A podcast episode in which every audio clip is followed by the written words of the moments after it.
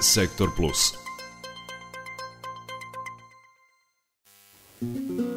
12 sati je 15 minuta, poslednji sat. U našem prepodnevnom programu otvaramo što se tema tiče rubrikom Sektor Plus, sredom uvek u fokusu obrazovanje i danas govorimo o Zavodu za učbenik i nastavna sredstva koji obeleži, obeležio 65. rođendan predstavljanjem novih izdanja na sajmu knjiga, a na tribini o nekada jedinom izdavaču školskih knjiga o statusu te ustanove govorila je direktorka Jelena Ivanović. Zašto smatra da učbenike ne bismo smeli smeli smatrati robom u ponudi na tržištu, čućite u priči koja sledi. Pripremila Jasna Kurteš Plavljanin.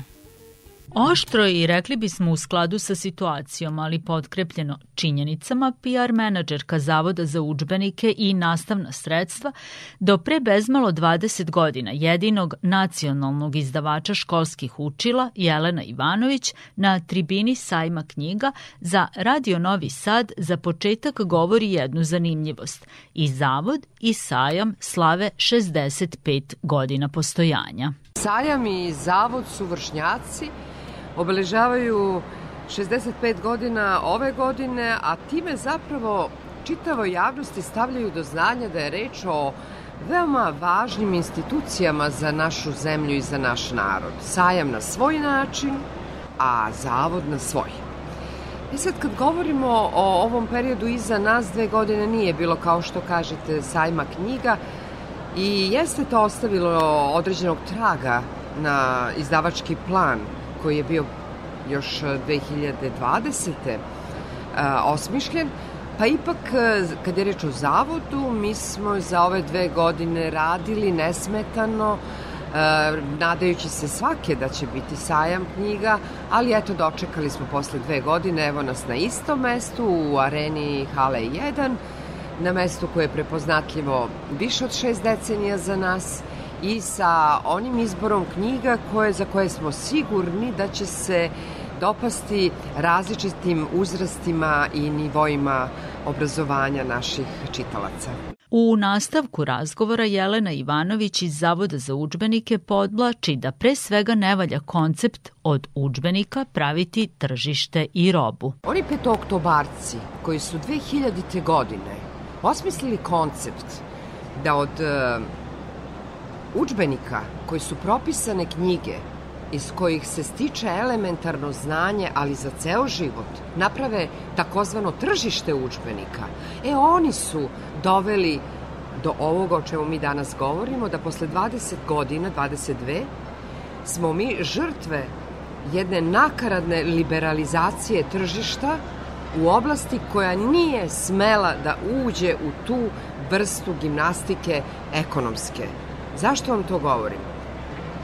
roditelji i učenici su vam najbolji sagovornici koliko su oduševljeni i zadovoljni onim što imaju kao ponudu u svom obrazovanju kad je reč o učbenicima. Evo da popričamo sa roditeljima koji sada plaćaju učbenike u tim relacijama da treba malte ne da dignu kredit ako imaju dva učenika kod kuće, roditelji koji moraju te knjige da bace krajnje jer im ne treba za sledeću godinu, ne može dete da nasledi te knjige. To su sve, da kažem, elementi koji su ušli u jednu novu priču kad je reč o učbenicima.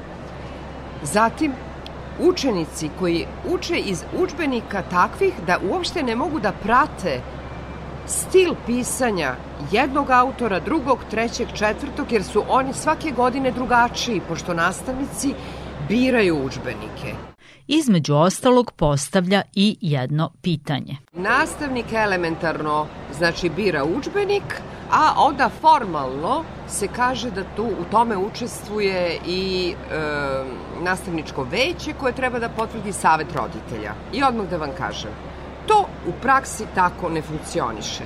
Kako funkcioniše? Funkcioniše upravo onako kako je Agencija za borbu protiv korupcije dala kao svoj izveštaj a i ne samo ta, nego i Uh, ovaj, e, Komisija za zaštitu konkurencije je dala jedan odličan izveštaj na 65 strana gde se lepo može videti kako se učbenici biraju, ko ih i kako, ko lobira za njih, koliko je upliva u toj oblasti nekim drugim radnjama u odnosu na ono što je zaista izbor. I sve to zajedno je za sve nas, pre svega izdavače, a govorim sad o Zavodu za učbenike kao državnom izdavaču koji je 65 godina specijalizovan da reši pitanje učbenika za celu zemlju.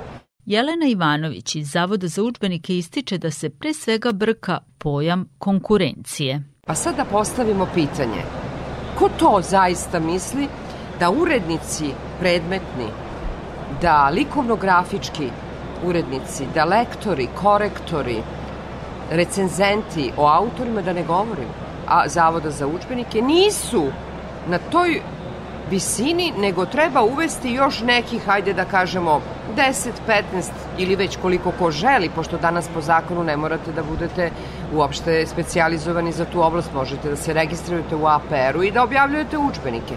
Međutim, i to nije baš samo tako, zato što postoji posebno posebna ustanova za odobravanje učbenika koji mogu da uđu u nastavu. Siva ekonomija podlači Ivanovićeva i ulični preprodavci apsolutno bi morali izostati iz ove oblasti. Do 2003. godine Zavod za učbenike je od 1957. do te 2003. bio suvereni izdavač i zahvaljujući njegovim učbenicima su se odškolovali svi oni koji danas odlučuju po kojim učbenicima neko treba ili ne treba da uči. To je prvo. Drugo, Zakon je donet 2009. godine gde je zavodu uvedena takozvana konkurencija. E sad ja vama nešto da kažem. Zavod je već imao konkurenciju pre nego što su došli drugi izdavači. Evo kako. Mi govorimo o konkurenciji učbenika i autora. Tu treba da se postavi nadmetanje, a ne konkurenciji izdavačkih kuća. Izdavačke kuće su kuće koje se bave objavljivanjem, pripremom i objavljivanjem i štampanjem i distribucijom učbenika. Navodi i primere drugih zemalja, pre svega onih naših u okruženju koje su nastale raspadom bivše Jugoslavije.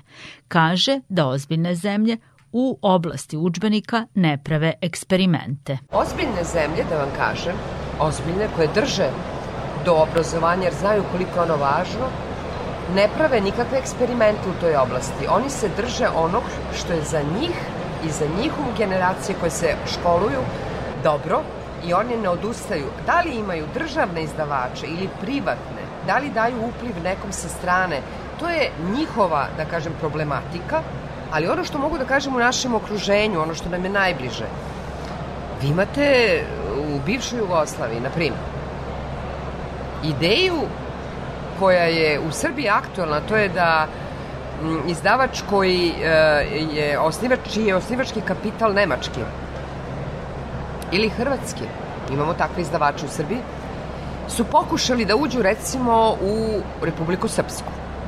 Nisu ni prišli Republici Srpskoj jer nisu bili primljeni na najvišem nivou. Pokušali su da uđu u Crnu Goru. Ne, Crna Gora ima svog državnog izdavača.